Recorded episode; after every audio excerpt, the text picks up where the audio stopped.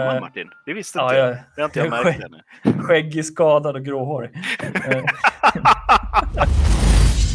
Jaha, eh, varmt välkomna till nummer fyra i eh, ordningen. Eh, fjärde avsnittet av eh, Racing Sweden Podcast. Eh, tjena Jonas, hur är läget? Hej, jo men det är bra. Vad tar sen senast? Hur är läget med dig egentligen? Ja, det är bra. You can call me Iron Man. Jag lyssnade på Iron Man när jag gick ut ur sjukhuset. I am Iron Man. Nej, men det är bra. Den eh, läker typ som det ska. Lite senare paj. Eh, sju stycken bultar titan och platta titan. Så att, eh, ja, nu är det ojämn vikt. Jag kan alltid skylla på någonting när jag kraschar nästa gång. Att det är ojämn vikt med handlederna. Du väger mer på ena sidan. Ja, men för de som inte vet om, vad är, vad är det du har gjort för någonting egentligen? Ja, alltså min dröm är att köra Dakar och då måste man ju träna på att köra eh, offroad och enduro motorcykel. Eh, så jag var ute för ganska exakt tre veckor sedan och körde på en slinga. Och eh, lite för snabbt och eh, drog ner i ett hål och eh, dämpen kastade upp mig i luften så att jag flög 6-7 meter och landade på axel och handled. Um, ja, så en fraktur i höger handled och uh, mjukdelsskador i vänster axel. Så jag blev av med gipset i onsdags, så nu kan jag äntligen dricka kaffe med högerhanden och vinka. Så, Ja, det, är, det är skönt att se att du skrattar lite grann och är lite leende på läpparna i alla fall.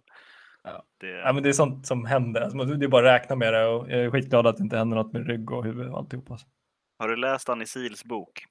Hela Ja. skadelistan som hon har är det helt sanslöst. Helt Ja. sanslöst. Alltså. Längre skador än lista än en meritlista.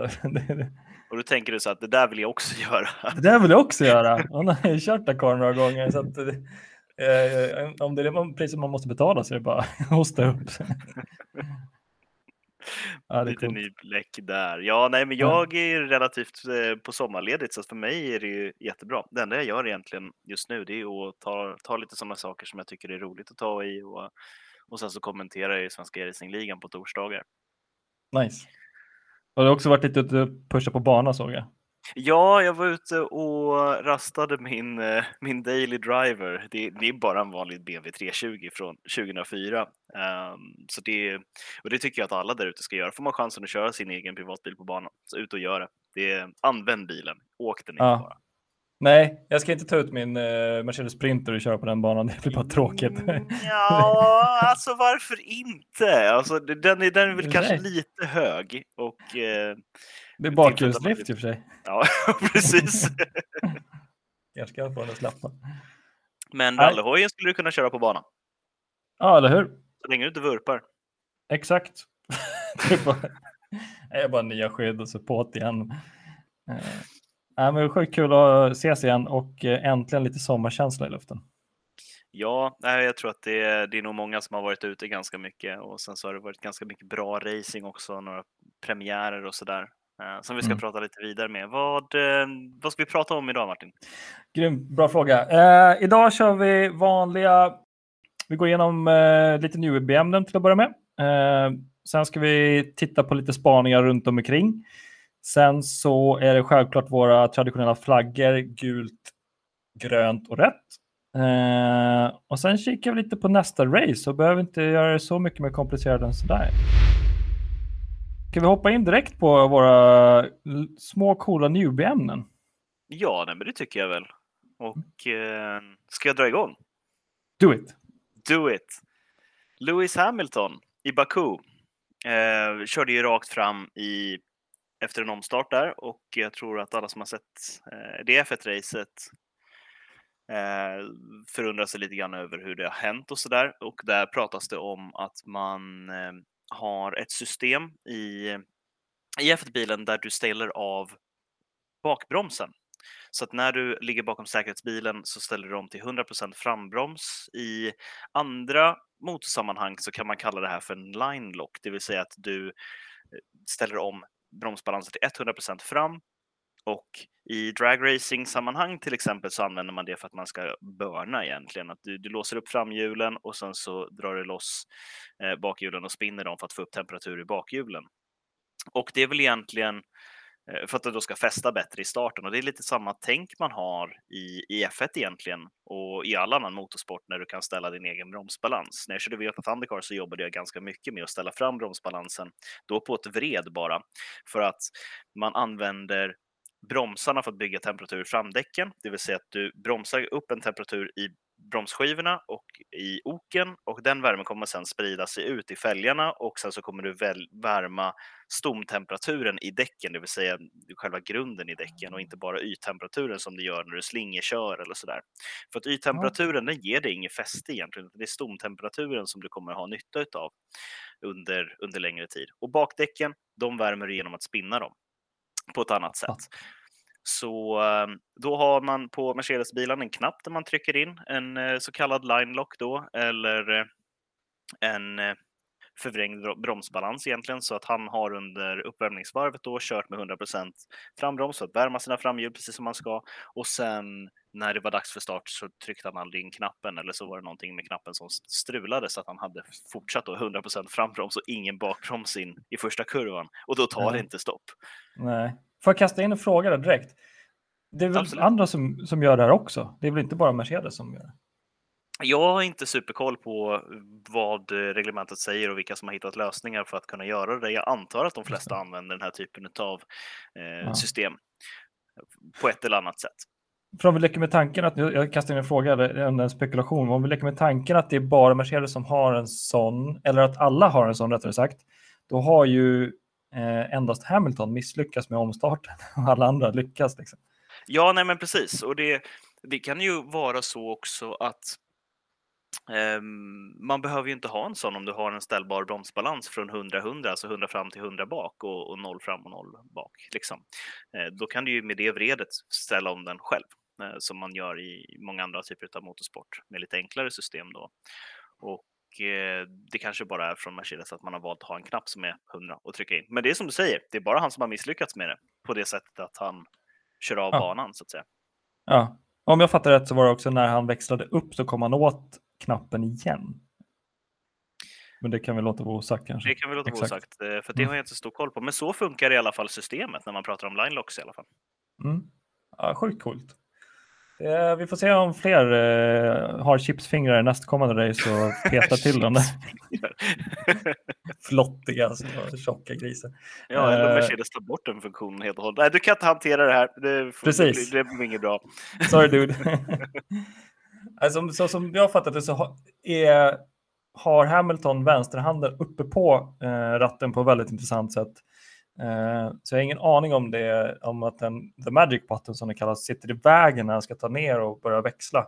Mm. Ehm, men eh, det är väl secrets vi nästan kanske är inne på. Eh, de berättar väl aldrig exakt hur de använder ratten. Nej, men det där blir också lite intressant när man pratar om logistik i förhållande till att du ska flytta händerna och, och komma, du ska inte komma åt så, saker på fel sätt och du ska fortfarande kunna nå saker och i rätt ordning och så vidare. Just det här egentligen själva designen bakom varje ratt lägger man ju otroligt många timmar på för okej, okay, vart är det rimligt att vi ska sätta den här nya knappen någonstans? Mm. För Magic Button är ingenting som man har använt i, i F1 sen, sen man började på 50-talet, utan det är något som har kommit till senare.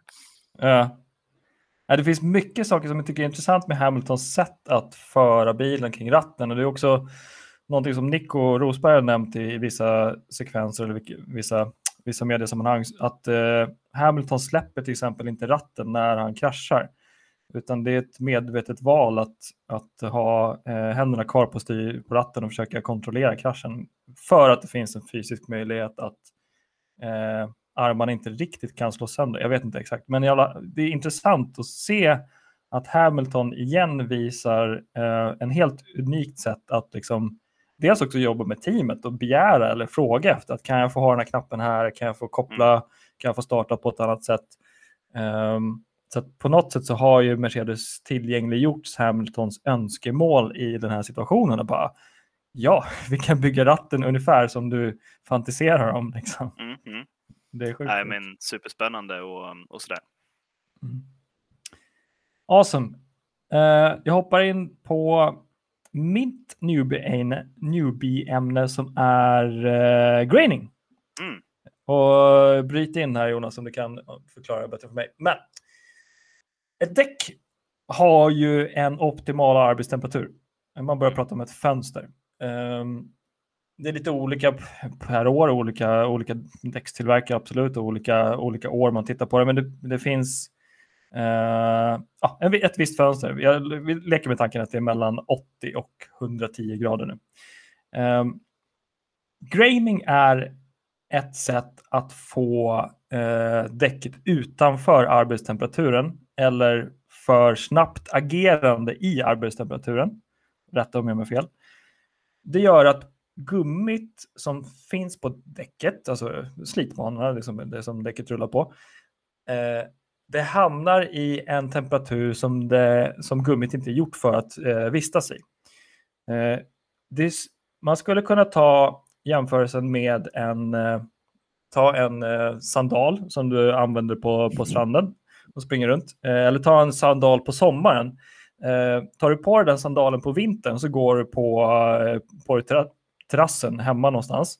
Då kan den sandalen bli ganska eh, hård och styv eh, när du springer runt med den. Om du tar på dig samma sandal på sommaren och så går du på en het asfalt någonstans i Karibien eller någonting. Eh, då känner du hur den där sandalen gungar under dig på ett helt annat sätt. Eh, alltså gummit blir mjukare. Ehm, och om du sen börjar skrapa gummit mot asfalten eller någonting, då kan du få eh, flagningar helt enkelt. Eh, precis som suddgumseffekten som eh, eh Viaplay har pratat om. Eh, men också, inte bara att det kanske flagnar utåt, att det, det eh, skapas flagningar från gummit, utan du kan liksom flytta gummit lite smått också.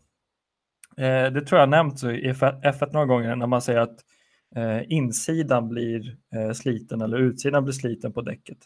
Det gör att man flyttar gummiresterna åt ett håll för att eh, det är för varmt, oftast, rätta mig om jag har fel, som gör att gummit flyttar sig på däcket så att säga. Eh, det är så pass varmt så att det, det sticker iväg åt fel håll. Eh, så det är mycket här man pratar om eh, rätt fönster, och rätt temperatur som man vill använda för att då är det fortfarande så pass klibbigt men det stannar kvar där det är gjutet för att stanna kvar på däcket. Ja, nej men precis. Så det, greening kan man ju också prata om när däcken börjar släppa sin slitbana. Um, och det handlar ju egentligen om, som du är inne på, att man ligger över däckets optimala temperatur för hur mycket grepp du ska ha i däcket. Det är väldigt, väldigt sällan du får problem med däcken för att du kör dem på för låg temperatur, då minskar slitaget och även det totala greppet i banan. Och Greening kan ju uppstå av många olika skäl. Antingen att du kör för aggressiv camber, det vill säga att framhjulen lutar för mycket så att du lägger hela belastningen av däcket och greppet på en väldigt liten yta på raksträcken i alla fall.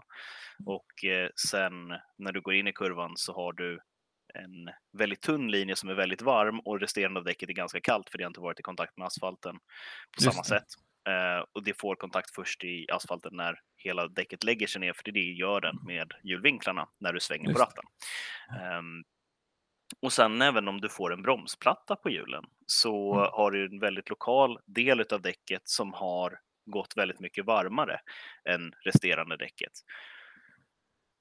Och det, det, är väl egentligen det man ska säga, att man slänger på nya däck under ett race och så, så kör man dem och så byter man däck och så har man grading mm. på däcken. När vi pratar om de här däcken som har gått på kvalet, då blir det ännu mer vetenskap, för då börjar vi prata om värmecyklar i däcken och hur däcket är uppbyggt och sådär.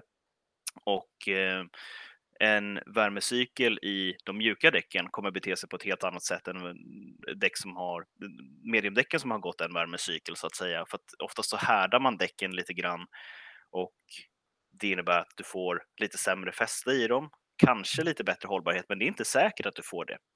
Det kan vara så att när du har fler värmecyklar i ett däck, det beror lite grann på vilken tillverkare, vilken gummityp eh, till vilken racingklass egentligen, så kan mm. det betyda att har du för många värmecyklar med ett ganska färs, färskt däck, säg att du har ett däck som har gått totalt åtta varv, mm. men du har fyra värmecyklar i de däcken, mm. så kan det innebära att det ser fräscht ut, du tittar på pappret, de har inte gått så långt, bra mönsterdjup, men när du går ut och kommer in i den femte värmecykeln så börjar du få gradingproblem för att du liksom skalar av däcken för att det är för hårt och du har gjort om eh, den kemiska sammansättningen i däcket genom att hetta upp det och belasta däcket under flera Ja. gånger. Just det, så, så att man, enkelt beskrivet, en värmecykel är när man hettar upp det till 120 grader, sen går det ner till 80, sen upp till 120, ner till 80. Det är en cykel, så att säga. Egentligen om du hettar upp det till, till 80 kan det vara och sen så Ja, ner till eh, utomhustemperatur. Mm. Och det här är också en sån här sak när det kommer in till just eh, de, de som är däcksansvariga för ett team. Om du ställer in däcken och råkar ha däckvärmarna på Mm. och sen så ska du inte använda däcken, då har du fortfarande, även om det inte har rullat en meter, så har du ändrat hur eh, däckets beteende kommer vara eftersom att du har fått upp en värmecykel. Och, och även om du lägger ut däcken i solen när de inte ska vara, om vi, tittar, om vi pratar till er som, som kör lite track days eller eh, tävlar på, på nationell nivå i Sverige i olika eh, racingklasser, även i karting. Liksom. Lägg ut dem i solen. Mm. Bara för att ni, och sen så kommer ni på att nej, vi ska inte använda de här. Nej, men mm, däcken mår inte lika bra som förut. Liksom. Det här med att nya däck ska förvaras i källaren, mörkt och, eh, Mörkt. och svalt, eh, det är faktiskt ganska viktigt. Jag har hört eh, folk som har hyrt kylutrymmen för att ha däcken i. Eh, under under liksom lagring. Och det vet jag inte riktigt om jag ska hålla med om att så kallt ska de förvaras eller sådär. Jag är inte eh, kemist på något sätt, utan jag får tillförlita mig vad mina ingenjörer gör. Det finns ju Eh, två så- saker man har i källaren och det är champagne och däck. Precis. Nej, men så det, det är otroligt intressant och eh, väldigt svårt att greppa som, som lekman och även som mig som chaufför, för jag kommer alltid vara lekman tills dess att jag tar en mastersexamen i kemi och börjar jobba för ett racingteam eller en däcktillverkare. Eh, Det, det är väldigt komplexa saker Mm. när det kommer till Ja, men det här däcket är en tiondel snabbare än det här däcket. Ja, men varför då? Ja. Ehm, Och sen så är det jättemycket intressanta saker som hände faktiskt med gummi och liksom hållbarhet och hela den diskussionen på Azerbajdzjans GP nu. Men det, det kan vi spinna vidare på lite sen när vi hoppar in på, på GP. Ja, nej, men det tycker jag absolut. Vad kul! Eh, ska vi dra vidare in på racingspaningar? All Ska right. vi, ska vi börja med Indy 500 och ha en liten diskussion kring det? Ja, Indy 500. Det, här, det var alltså eh, årets största race. Ehm, ja, har du några, jag, har, jag har reaktioner där, men vill du ta dina först? The Great Spectacle of Racing. Jag har hört att det är några svenska motorjournalister som kallar det The Super Bowl of Racing, men det är Daytona 500. Så Mm. first things first, rätt ska vara rätt. Exakt. Ehm, för det, jag menar, att kalla Indy 500 för the Super Bowl of Racing, det är en underdrift. Super Bowl är så mycket mindre än vad Indy 500 är. Det är det största vi har när det kommer till sportsammanhang, när det kommer till ett enstaka event. OS är större, men, eh, nej, men Indy 500 är ju helt sanslöst när det kommer till antalet åskådare och, och allting som händer runt om, omkring. Och det är ett väldigt, väldigt gammalt sportevenemang. Jag tror att första körde man väl 1909. Ni får alla där ute rätta mig om jag har fel, för nu, nu är jag ute och viftar bara egentligen. Men det är i, innan eh, 10-talets början i alla fall. Eh, så körde man på Indianapolis. Ehm, eller det som skulle bli då eh, banan. Ehm, men det, det var mycket bränslesparande och det charmar inte mig när man ligger på halvgas och släpper av och, och liksom väntar ut att racet ska vara slut och över och sådär. Och sen eh, lite gulflaggade påstopp som gjorde livet surt ehm, för våra svenskar och jag vill se att det går bra för Marcus och Felix. Det är därför jag kollar Eller på? Indycar. Ja. Vad är dina Nej. reaktioner? Nej, men jag har samma. Det var liksom, jag, jag fick aldrig igång flödet på något sätt. Och det kom gul flagga som du säger och sen stackars eh, Marcus, rätta mig om jag fel, dök in och var tvungen att tanka lite extra. Eh, jag var lite taggad för det var liksom en av första gångerna man får se ordentligt med eh, tittare som verkligen var där och tittade. Jag tror runt 114 eller liknande, i alla fall runt över 100 000. Så jag var lite, lite taggad och kollade på det ganska, eh, ganska tajt. Liksom, så att verkligen hoppas på att det skulle hända någonting med topp 10, topp 15. Ehm, men sen så, sen så vart det lite som det vart och, och det är ju det är nästan ett maraton. Jag tycker att det är maraton, det är en 200 varv. Mm. Och, eh, sen hände lite saker på slutet. Och det är rätt imponerande ändå att vi, den, vinnaren är ja, inte med i hela serien utan har vunnit Indy, Indy 500 fyra gånger. Mm. Um, Spiderman. Spiderman.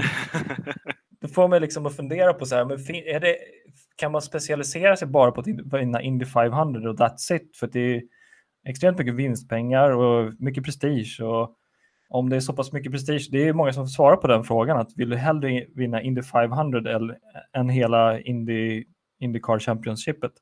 Det är många som svarar att hellre Indy 500.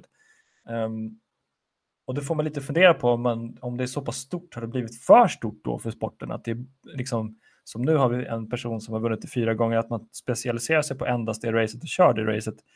Det, eh, jag skulle inte vilja säga att det, det, är, det är konstigt, men jag skulle säga att det är intressant.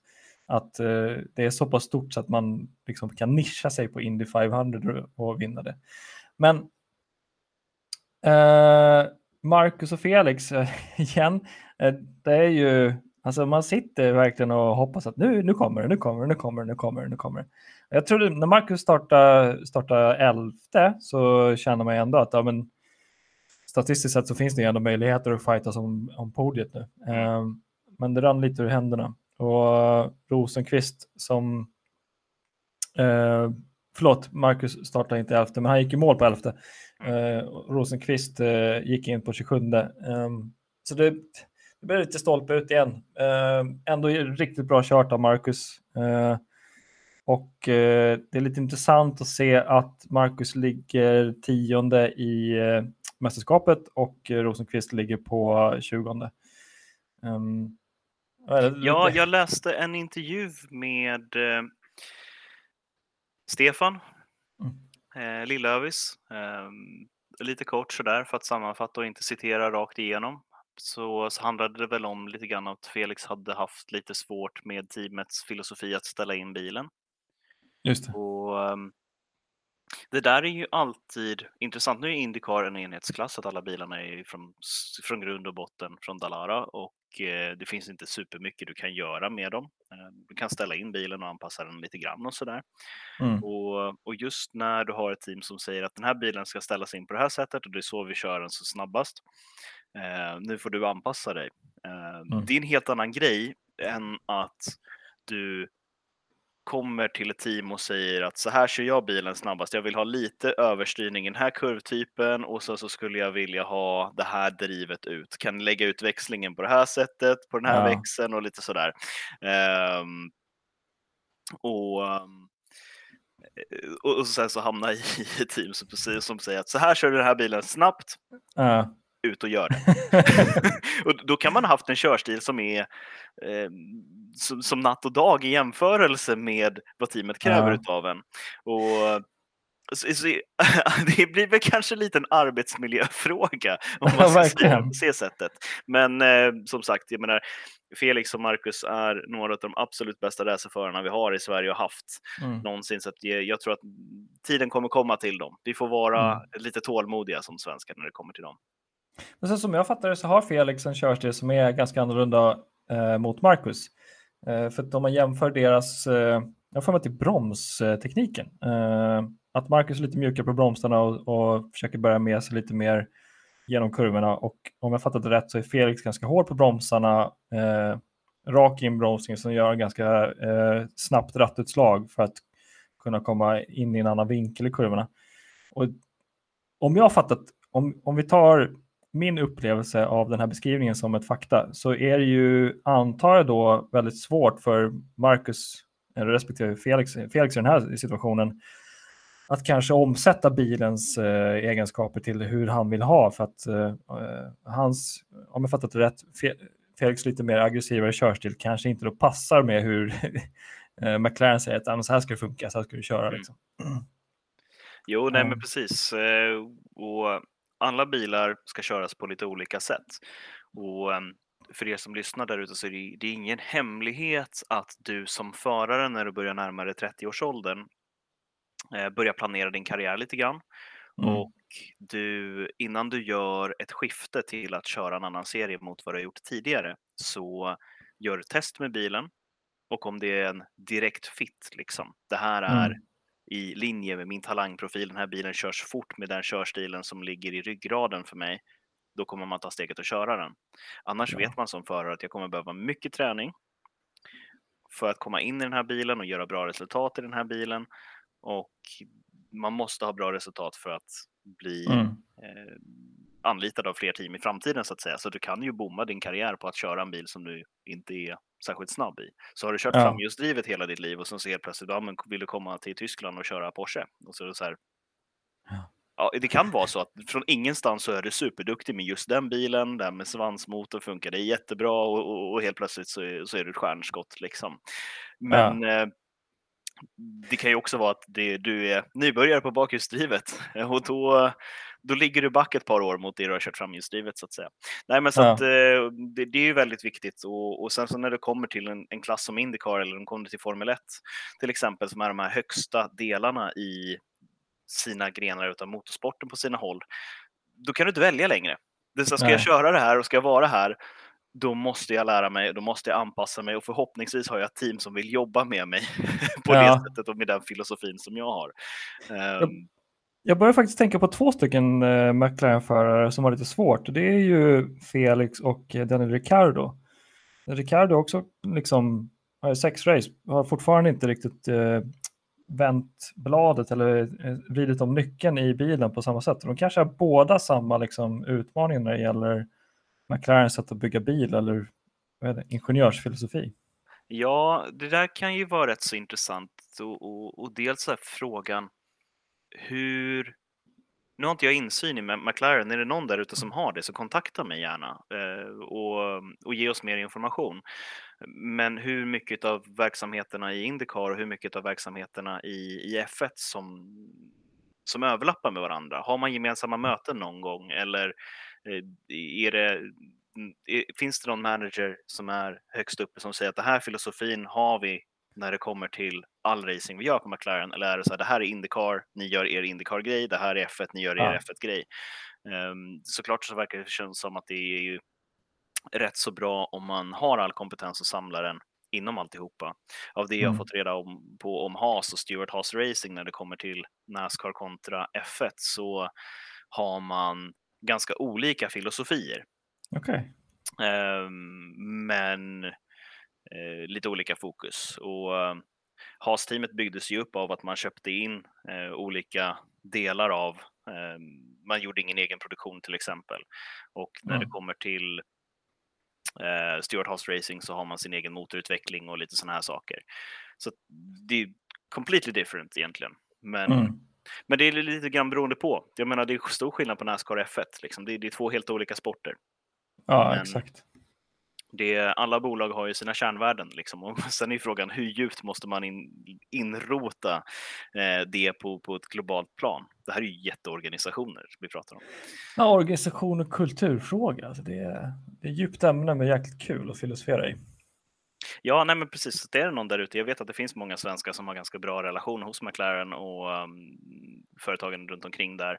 Så uh, släng gärna iväg ett direktmeddelande till mig eller Martin. Um, Mm. Så um, kan vi prata lite djupare om det och um, sprida mer rätt information så att säga. Det finns ganska mycket folk i Sverige som har bra relationer när det kommer till motorsporten, men det finns väldigt många en stor klar majoritet av dem är ganska okända för oss som inte har sprungit på er där ute. Mm.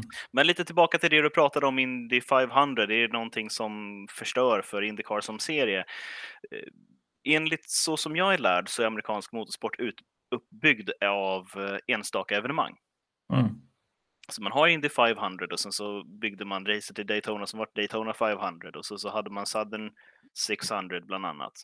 Ehm, World 600 också. Så att det var de här stora racen och sen så var det väl frågan om i vilken serie som de här racen skulle involveras och Indy 500 hamnade så småningom i Indycar.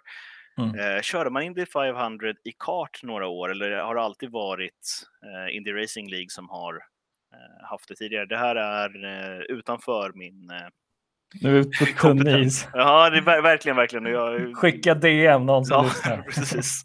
Ehm, nej, men så att Indy 500, det är ju också om tittar på, titta, eller på, på åskådarsiffrorna där.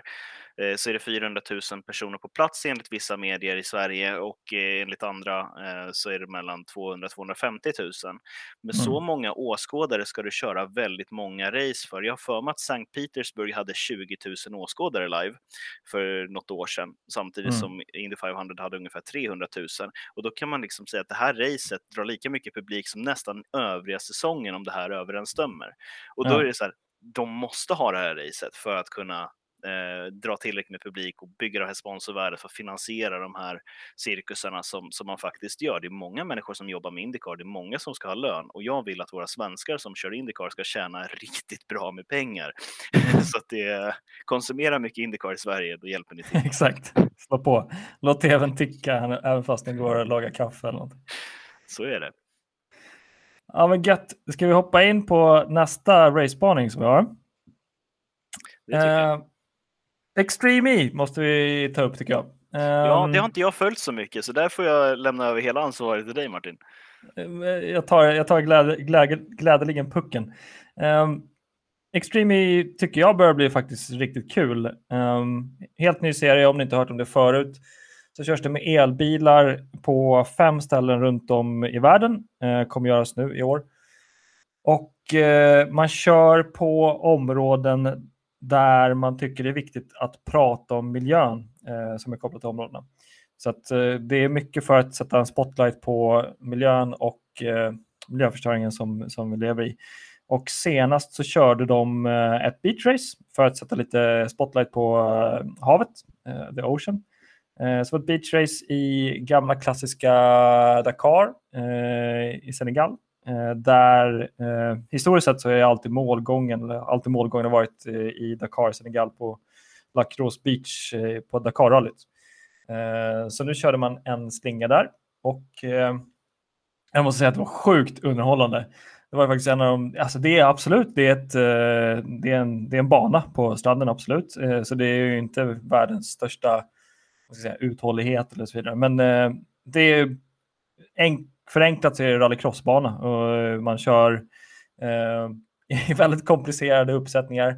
Eh, men i alla fall så är det eh, sjukt mycket action och till slut så kör man bland annat i, i eh, finalen tre stycken bilar samtidigt på en ganska tajt bana, men det finns lite olika spår att välja. Och det var mycket action. Det var faktiskt riktigt bra omkörningar, riktigt bra händelser och bilar som pajade. Det var liksom allmänt bra action. Det finns på YouTube, så det är bara in på Extreme E's egna kanal och kika i efterhand. Så det ja, faktiskt underhållande. Um, och där ska vi lyfta fram. Uh, om, om ni inte vet det så har ju, det finns olika typer av team. Uh, bland annat två, två av sex eller sju team är eh, sponsrade eller byggda av Lewis Hamilton i F1 och gamla Nico Rosberg som, som Gamla Nico Rosberg, han är väl inte Gam jättegammal? Nej, gammal F1-förare. Han är typ lika gammal som mig tror jag. är du gammal eh, Martin? Det visste inte ja, jag. Det har inte jag märkt ännu. Skäggig, skadad och gråhårig. Eh, det är, det gammalt det. Uh, så att uh, Nico Rosbergs team tog igen hem vinsten över Lewis Hamilton. Och jag tycker faktiskt om den här lilla gamla fighten över, mellan Nico och Lewis. Um, och det är två förare, en, en kvinnlig och en manlig. Och uh, högst upp på podiet stod uh, Johan Kristoffersson uh, med Molly Taylor. Sjukt coolt. och sen, inte, inte nog med det, så har vi Mikaela Olin Kutelinski tillsammans med svenska Kevin Hansén på tredje plats. Hansen. Hansen, Kevin förlåt. Hansen. Ursäkta. De har varit missar... i motorsporten i så många år och generationer så Hansen, det ska sitta i, i, i folkhemmet. Ja, ursäkta, det är när man läser de här Instagram-titlarna utan apostrofer. Så ja, nej, precis. Nej, men Kevin Hansen. Ja, och det är lite coolt att vi har totalt är det sex pers som står på podiet eftersom det är en kvinnlig manlig förare i varje bil. Och eh, totalt på podiet var det 50% svenskt, så att tre personer var eh, svenskar som, som ändå visar upp våra offroad-kunskaper internationellt i en väldigt ny serie. Det är lite coolt. Är det, skulle du säga, rallycross fast med elbilar? Ja, det är det väl. Sen om jag fattar rallycross rätt så finns det väl också inslag av asfalt. Oftast så gör det väl det. Jag vet inte om det finns någon bana som är helt grus eller någon som är helt asfalt i kalendrarna som man kör i Global Ja. Rallycross eller i Rallycross-VM. Just det. Så här är det ju samma underlag på hela slingan. Um, vilket gör det kanske lite olika då. Uh, sen har vi um, i den här på Extreme E så har du egentligen beach flags och, och portar som du måste ta dig igenom ungefär vad ska jag säga, 15 stycken på hela banan. Och mellan de här portarna, portarna är absolut breda så det kan ju gå två bilar på bredd. Men mellan portarna så får du välja vilken, vilken, vilken eh, slinga du vill. Så att eh, rallycross är, är lite mer på en bana liksom. Här är banan, du är utanför banan och du kan pushas med de andra på en bana. Här finns det ju egentligen bara beach flags och portar du måste ta dig igenom. Eh, så det är lite mer fritt är det väl. Men ändå så finns det ju oftast en snabbast linje och under träningar och kval så väl, väl, väljer man den linjen som är snabbast. Eh, men tämligen likt det. Mm, mm. Så det är den spaningen. Rekommenderas alltså. Absolut, in och kolla på Youtube, det var askul. Har du några coola spaningar? Inte särskilt mycket. WTCR har haft premiär. Jag eh, följer ju eh, syskonen Bäckman där och eh, där kör ju även Ted Björk. Och ja, kanske inte riktigt, vad ska man säga, en höjdarhelg för våra svenska intressen så att säga. Syskonen Bäckman de kör ju för ett ganska nytt team i, i WTCR så att de får ge tid och, och teamet måste lära sig och de måste lära sig. Eh, de, det som är nytt egentligen i serien. Bäckman eh, i form av Jessica tog eh, två poäng i eh, race 3. Det var tre race som han körde då i WTCR och Andreas han kraschade ganska eh, så pass mycket så att bilen inte gick att köra vidare Eh, i eh, sitt sista race tror jag att det var. Ehm, och gick inte att fortsätta köra med. Men allting är bra med Andreas. Jag pratade med honom i efterhand. Eh, självklart lite nedstämd och nedlåten för att inte racet gick bra så att säga. Men eh, Ted Björk plockade med sig tre poäng i alla fall i race två och eh, nollade de andra två så att han är väl bäst av svenskarna i den serien just nu. Tror väl att Björk själv har väl lite högre förhoppningar om säsongen vidare sen. Men det är väl egentligen det som hände på Nyburiring och då körde man hela stinten, alltså eh, VLN-sträckan. Nu får ni, det finns så många olika kombinationer det här, men jag tror att det är VLN, så det innebär att man kör på GTP-slingan och sen så ut på Nordslingan därefter. Mycket bana att lära sig helt enkelt. Det är ju gigantiskt många kurvor. 165 tror jag att det är, har jag hört någonstans. Få in dem i muskelminnet är lite challenge. och sen så hela tiden på, på gränsen och en bana som förändrar sig. Jag menar, går du ut på nya däck där, då är de ganska slitna i sista kurvan bara det. Ja. Så det är, nej, eh, intressant bana och jag tycker att det är roligt att man kör Nordslingan även om den är bevisligen livsfarlig Mm. eh, fortsatt i olika racingdiscipliner, men bilarna har blivit mycket säkrare med åren också och även så jobbar man ganska mycket på ringen att försöka göra den så säker man kan med eh, de medel som finns. Lång bana betyder många meter mur många avåkningszoner att, eh, att bygga. Så det, det och skulle man få den eh, klassad för att köra F1 på, då skulle, det vara, då skulle det vara ett dåligt år för Tyskland om, om staten skulle gå in och betala det kan man säga. Så hade de kört tre varv eller vad blir det? ja, nej, men någonting sånt. Vi kommer in senare på vad de har för race-distans. Jag tror att det är någonstans runt eh, vad är det, 30 mil man kör ett F1-race. ja, jag tror det. Ehm. 305 eller någonting. Ja. Så det, ehm, ja, nej, men eh, den svenska motsvarigheten då, STCC har också haft premiär och eh, Mm. där är väl Robert Dahlgren ganska, ganska väldigt stark. Etta, etta, trea i sina race. Eh, man hade 13 bilar till start. Det är bra för vara STCC. I kvalet så var, tror jag att det var nio bilar inom en halv sekund. Så att även om det inte är supermånga bilar så är det tajt mellan de bilarna som är där. Och eh, Dahlgren är ju otroligt rutinerad och har hållit på med det här i så så många år och kört väldigt, väldigt många race. Så det är en ganska bra, vad ska man säga, eh, måttstock för hur snabba svenskarna är. Slår du Dahlgren, då är du en bra förare. Eh, det är så enkelt det är det och jag tror att det teamet som man kör nu för Pokervall, nej PVR heter de. De heter inte så längre, men Wallenberg är involverad där. Ehm, tillsammans med Daniel Haglöf har jag för mig. Länge Mm. sedan jag var på svenska marknaden, så jag är inte superuppdaterad.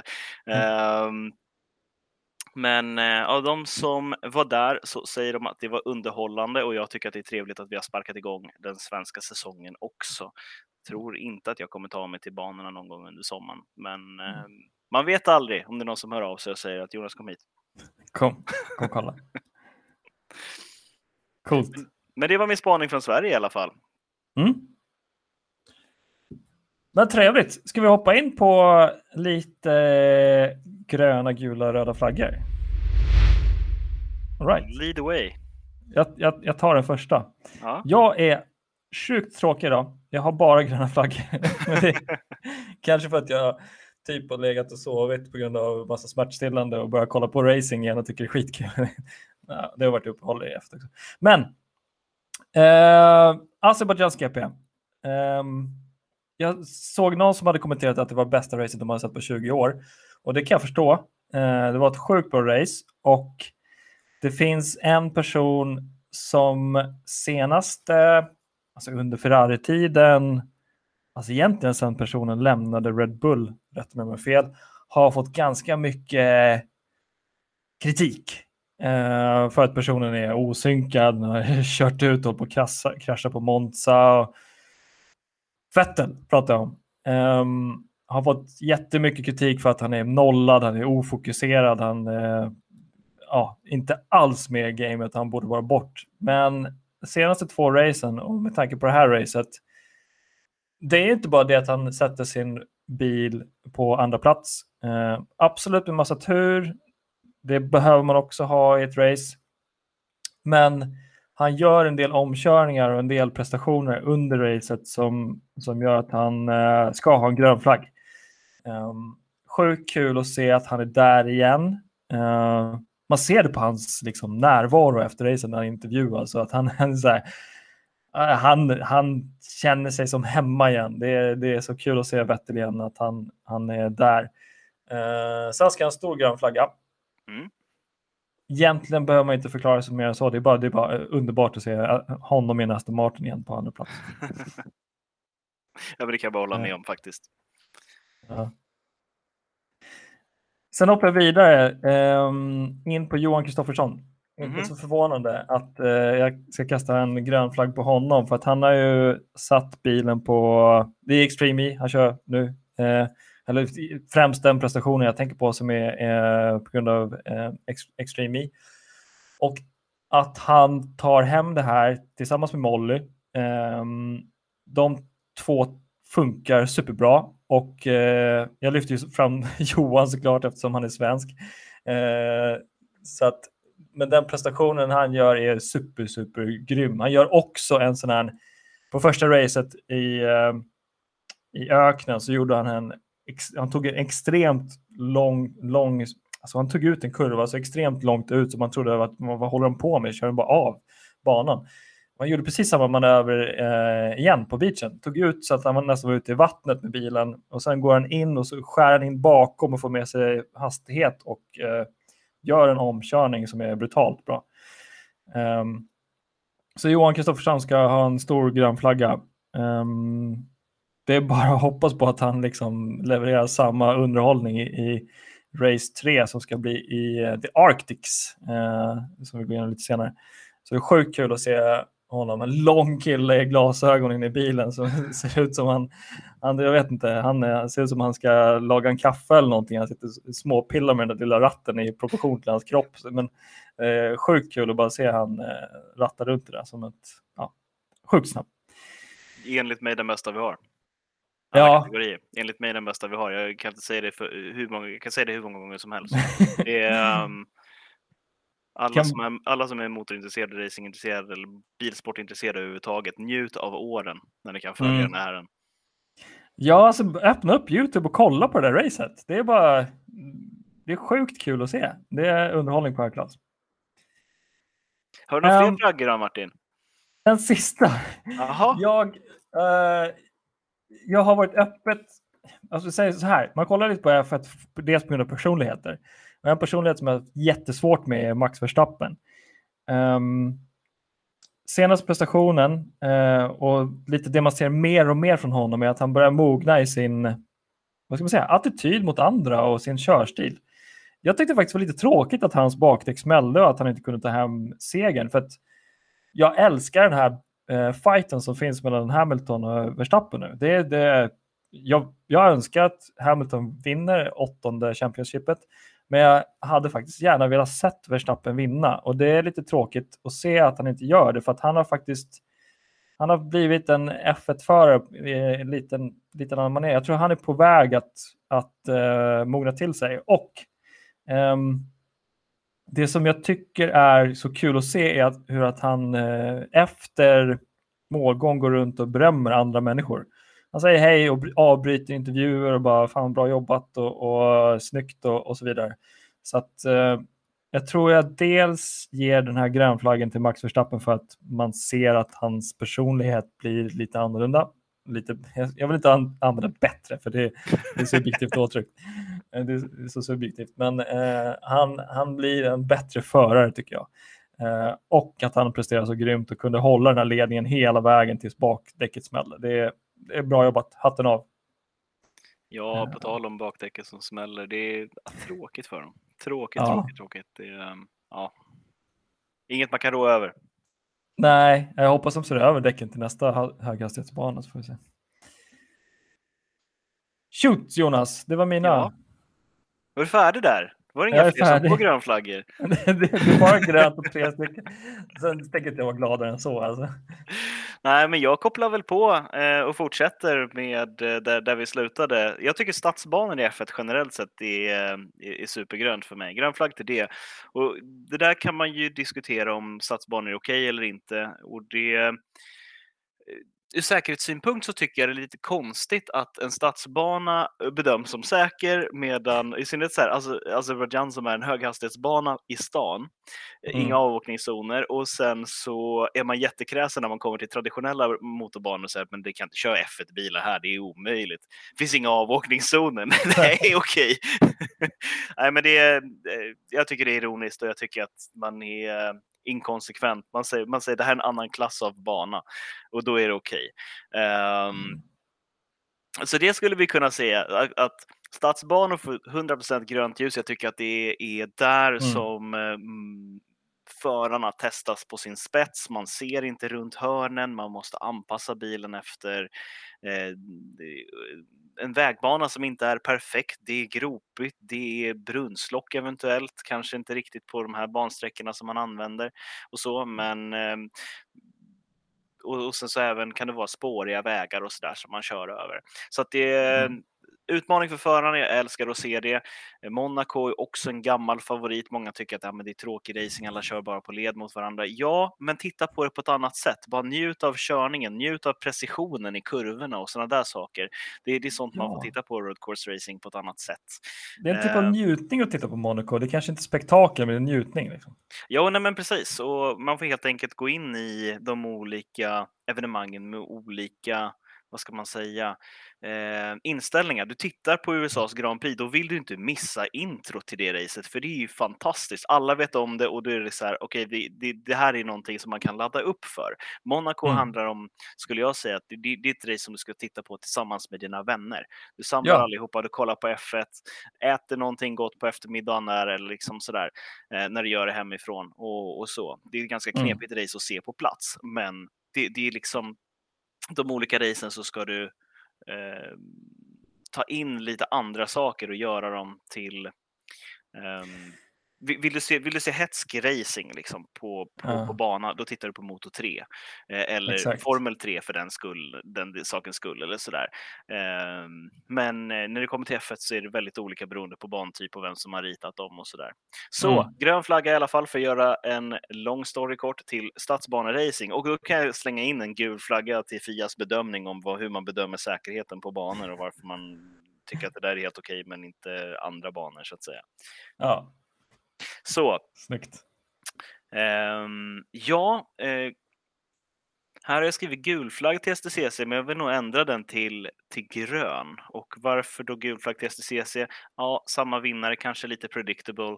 Eh, när det kommer till, eh, till Dahlgren. Eh, inget ont mot honom, snarare tvärtom. Fortsätt dominera, gör din grej. Eh, bevisa för mig hur länge man kan leva på motorsport och hur länge man kan vinna eh, mästerskap.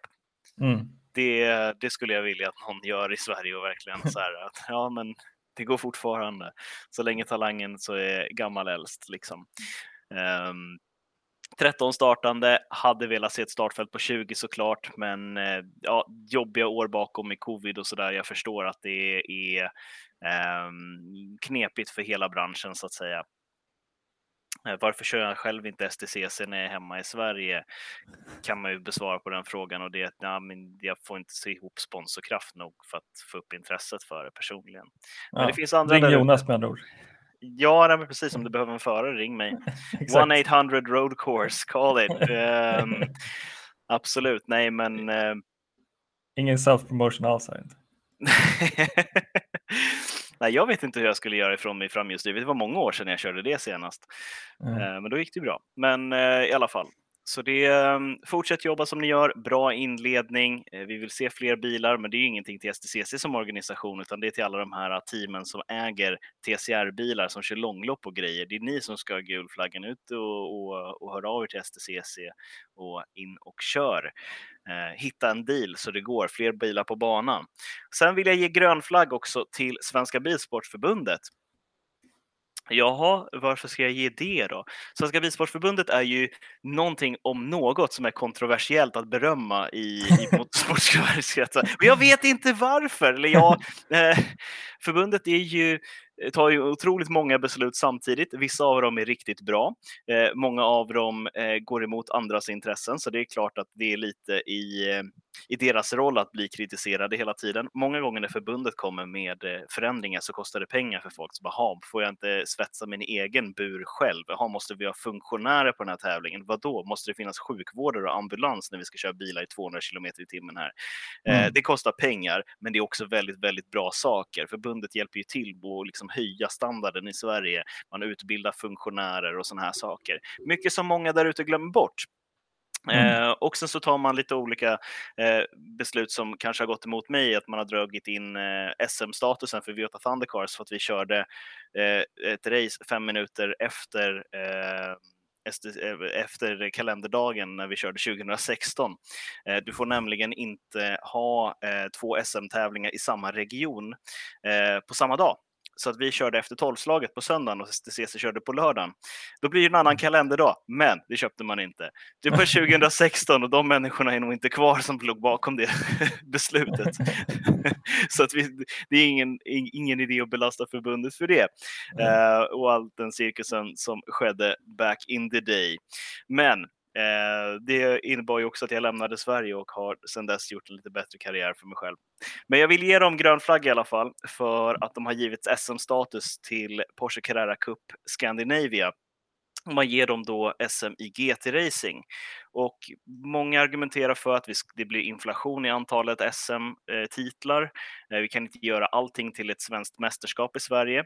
Och eh, då hävdar man att STCC har ju status för att vara svenskt mästerskap just nu i racing. Eh, STCC-bilarna är touringbilar. De är framhjulsdrivna. De har 320, rätta mig om jag har fel, hästkrafter. Porsche-bilarna har ungefär 100 mer. De är svansmotordrivna, de är bakhjulsdrivna. Det är en annan sport, människor där ute. Och det är eh, absolut ett steg framåt i svensk motorsport, tycker jag, att man ger eh, GT-racing ett eget SM. Jag tycker att eh, touringbilar ska ha ett eget SM. Jag tycker att stockcar-bilar ska ha ett eget SM. Eh, för, och även formelbilar ska ha ett absolut ett eget SM. För att det är fyra olika grenar under racing. Och för att man ska lyfta sporten i sin helhet så måste de få sina egna plattformar i ett svenskt mästerskap. Men jag personligen ser ju alla under en och samma promotor, under en och samma eh, evenemang. När jag köper en biljett för att gå och kolla på racing så vill jag se Eh, sportvagnar, jag vill se GT-bilar, jag vill se motorcyklar, jag vill se eh, stockbilar, jag vill se formelbilar. Mm. Um, kan jag få det, och även de åren som man körde rallycross på samma tävlingar, kan, man, kan jag som, eh, som stockholmare för jag måste ändå åka minst 20 mil för att titta på ett bilevenemang. Då vill jag fan med att det ska vara värt att göra det. Ja. Um, och jag, man pratar till de som är bosatta i, i norra Sverige, runt om den här enorma regionen Norrland som vi har. Så kör man ett race i Skellefteå i år. Uh, Skellefteå tycker man eh, ligger långt ifrån övriga Sverige, så det är jobbigt för de teamen som är baserade mellan Sverige och södra Sverige att åka dit. Men Skellefteå ligger väldigt långt bort, även för de som bor i Norrland, eftersom att det är så stor, otroligt stor yta som man måste röra sig över. Så um, gör det helt enkelt värt för alla att eh, åka och titta på racen. Um, så det. Vad skulle du säga? Känns... Nej, det känns helt logiskt att försöka ha flera serier på samma helg, på samma bana, för det blir mycket mer värdefullt. För då kan man ju stanna där en hel helg. Till exempel som att vi åker och kollar på Formel 1 i till Spa, Belgien, så, så F1, F2, F3, Formula Regions eh, går ju på samma helg. Så det är stört bra om du kan checka av massa race på en hel helg. Så det låter logiskt. Jo, nej, men precis, och jag menar, jag hade aldrig gått på rallycross-race om de inte hade kört samtidigt som STCC. Exakt. Och där vart jag kär i den sporten direkt. Eh, fantastisk arenasport, fantastiskt underhållande och eh, rakt igenom. Men mm. om jag får ändra mig lite grann från vad jag sa senare, att jag vill ha alla under samma promotor, det vill jag faktiskt inte ha. Ehm, just i år så har STCC en promotor och eh, Porsche Carrera Cup Scandinavia har en egen promotor, vilket innebär att man kan nischa sitt eget paket mycket mer och det tror jag kommer gynna svensk motorsport i sin helhet. Porsche Carrera Cup Scandinavia har idag, de har fått SM i GT-racing och jag tror att det är första gången som GT Racing får sitt egna SM, så nu är det upp till den promotorn att definiera vad det är för någonting. Mm. Så det är... Jag, jag, lägger, jag lägger väldigt hård press här. Jag vill se vad definitionen är och jag vill att det här kommer vara någonting som förbundet säger att nu gjorde vi rätt beslut. Vi kommer alltid ha ett SM i GT Racing. Eh, det är ingenting som vi någonsin kommer ta bort. Ehm, så att eh, du där ute, gå på STCs evenemang, gå på Porsche evenemang, titta på racing, hjälp vårt community. Exakt. I alla fall slå på det på tvn. Ja, nej, men det är det minsta du kan göra absolut minsta. Det ska alltid vara i bakgrunden när det är racedag. Sen om du är där eller inte. Jag strökollar på otroligt mycket motorsport. Bara för att det är kul att man, men nu står jag och stryker lite grann eller man tvättar hemma eller dammsuger så, ja, så kollar man, ja men det händer sådär. Eh, för att racen är ganska långa. Eh, mm. Det är väldigt sällan jag sitter bänkad och tittar på en hel fotbollsmatch också. Det är liksom mitt sätt att, att titta på sport egentligen. Lite halvpassivt sådär. lite, lite chips, lite cola, lite kaffe. Ja, men då är man ju bunden för att sitta ner. Jag, jag gör gärna saker samtidigt. Det kryper i benen på mig ibland. ja. Ja, viss, uh, viss racing kan man också ha i hörlurarna och bara lyssna på, på vad som händer. Uh, faktiskt något, något F1-race som jag haft uh, i telefonen medan jag kört bil och bara lyssnat uh, helt sonika.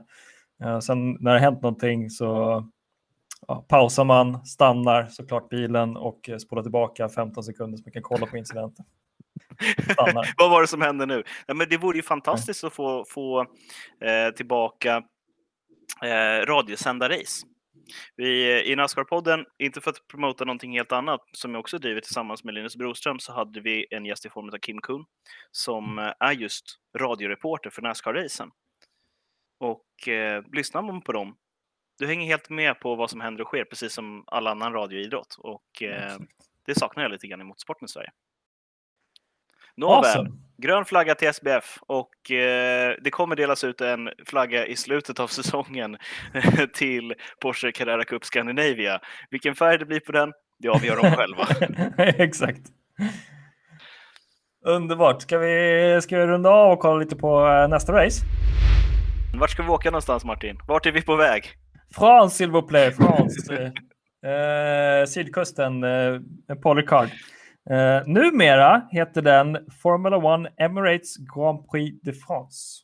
Ursäkta mitt uttal franska. Det var ett väldigt långt namn om inte annat på ett race. Ja, exakt. Och Emirates, okej. Okay. De har köpt namnet tydligen.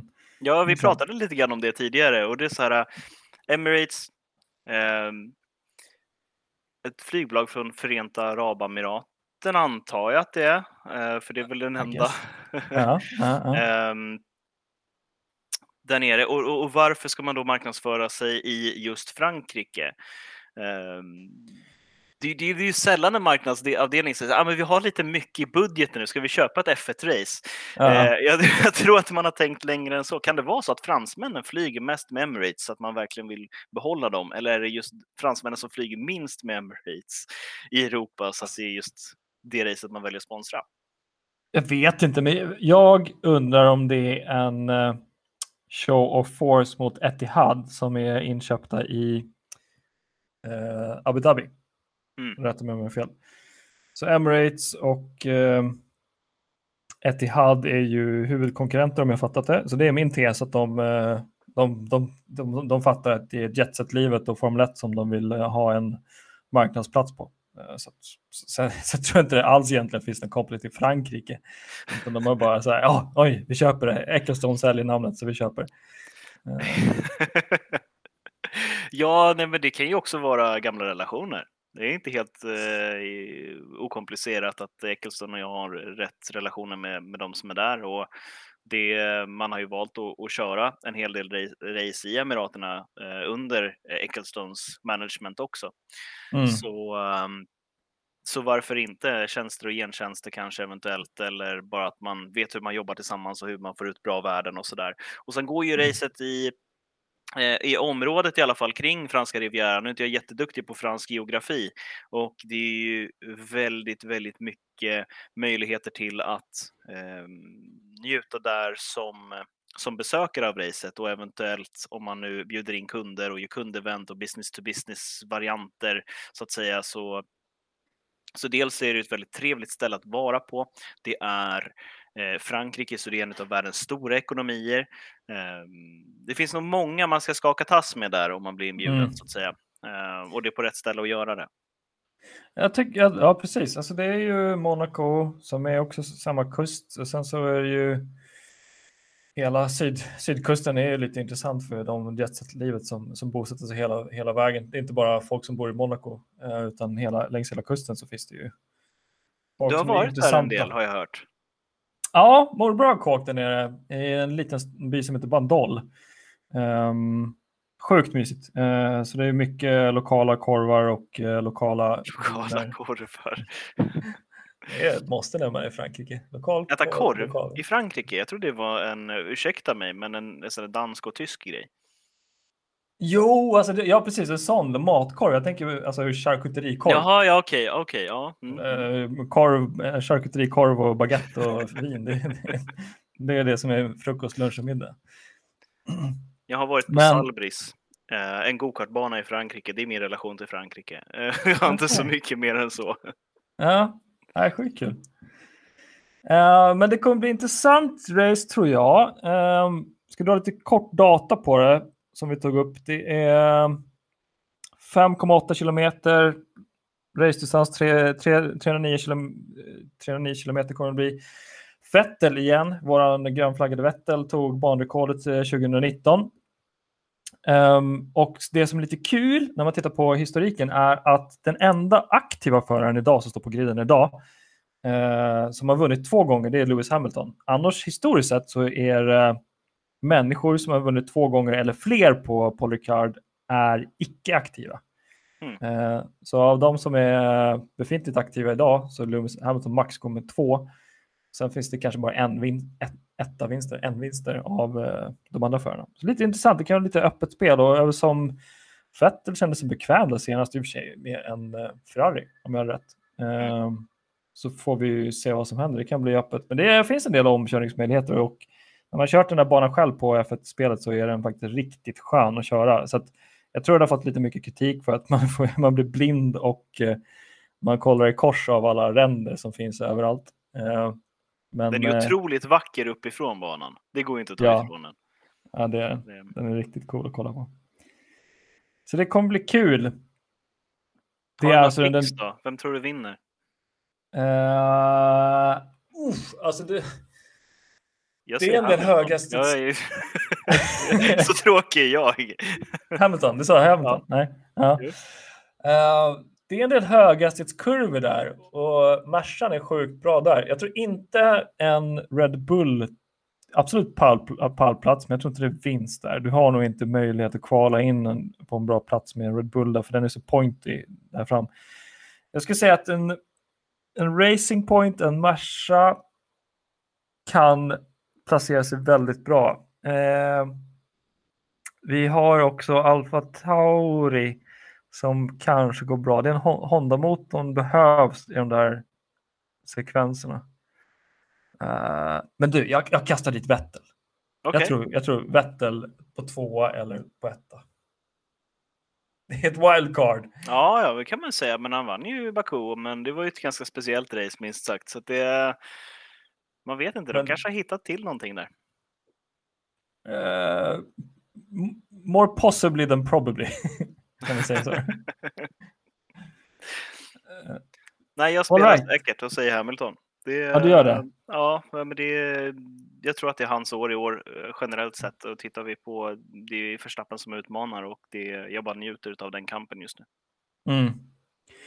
Det ska bli jätte, jättekul att se vad Hamilton gör nästa race för att vända den här dåliga helgen för två, två, två race. Uh, gör han det, plockar han upp sig själv och drar sig i kragen så är han så, det, är, det är en champion på, på, på ett helt annat sätt. Uh, men det har gått dåligt två gånger i rad. Man skulle tro att han skulle plocka upp sig till Baku. Men ja, vi får se. Om han inte gör det, det kommer bli jätteintressant att se vad som händer med fighten. Alltså. Otroligt intressant. Grymt kul. Spännande. Vad har vi mer som kommer då? Sen har vi lite längre fram, eller lite närmre faktiskt, 20 juni har vi ju Indycar. Eh, Chevrolet Detroit Grand Prix. Mm. Eh, och där har vi en dubbelrace, så att eh, det sätter igång i alla fall den 12. Eh, så får vi se eh, nästa helg. Det var lite racing. Härligt att se. Heja på de svenska hoppen igen. Ja, lite svenska flaggor på podiet. Kom igen. Det är Belle Isle man tävlar på då, eller hur? Stadsbanan. Jo, men det är det. det, är det. Okay. Så det, nej, men det ska bli spännande att se. Där, eh, Herr Rosenqvist har ju varit ganska stark på den typen av banor, så det ska bli se, kul att se och vad han kan hitta på där. Fan, skönt. Kom igen nu. kom igen nu, kom igen. Kom igen nu, kom igen nu. Kämpa, kämpa, kämpa. Eh, sen lite längre fram så har vi Extreme E Arctic. Eh, men det är den 29 augusti, så att eh, ah, vi släpper en podcast igen innan det. Jo, nej, precis. Du ska köra på Grönland då i alla fall. Det ska bli spännande. Greenland. Greenland. Uh, hur grönt, det är sommar. Uh, det kommer bli jättekult. Jag tyckte de skulle köra på vintern, men det skulle de uppenbarligen inte. De vill tydligen ja. ha ljus och de vill tydligen ha varmare än minus 50. Ah. Gud vad tråkigt. Ja, det tycker jag med. De där batterierna ska ju frysa så att det blir DNF mitt i. Uh, sista racet är Glacier X-Prix. Uh, den, uh, vad blir det? Det blir den 12 december. Okej, okay. det är en lång säsong i alla fall. Ja, många pauser, måste ladda batterierna emellan och så. I dubbel bemärkelse. Exakt. Men ska vi runda av och vara nöjda så här? Då? Ja, nej, men det tycker jag. Nu har vi fått in ganska mycket och ni som sitter där ute och lyssnar, är det någonting ni känner att ni missar? Vi är inga grävande journalister här som, som sitter och, och läser all motorsportmedia vi kan för att lyfta fram allting som sig bör. Och, eh, jag och Martin har inte ett möte som är i, i två timmar och säger vilket är det viktigaste att prata om just nu, utan vi snubblar över det som vi snubblar över. Och eh, Gör som du, du där ute som tävlande och andra eh, ska göra med alla, annan, eh, alla andra motorjournalister och eh, skriv några korta rader. Det här är det vi gör. Det här är därför jag är aktuell. Eller hörni, har ni hört om det här? Och eh, sitter du på vissa kontakter som vi pratade om med McLaren eller sådär eh, och kan bidra med lite insyn, hör av er. Det hade varit sjukt kul att höra lite mer fakta eh, from, from my point of view, så att säga. Jo, nej, men precis. Det kan vara så att om du är anställd av något team i Sverige som mekaniker eller så där, bara hör av dig och berätta om din dag. Så här gör jag och jag går till jobbet och då har jag den här checklistan som jag gör eller det här är mina arbetsuppgifter eller så där. Så kan man gå in på det lite mer. Det är alltid roligt att lyfta fram vad vi gör här ute i eh, Racing Sverige. Exakt. det är skitkul. Well put. Ska... Annars hade inte jag så mycket mer att säga Martin. det inte jag heller. Ska vi runda av och tacka för oss? Det gör vi. På återhörande. Ha det gött. Ta hand om er. Stop record.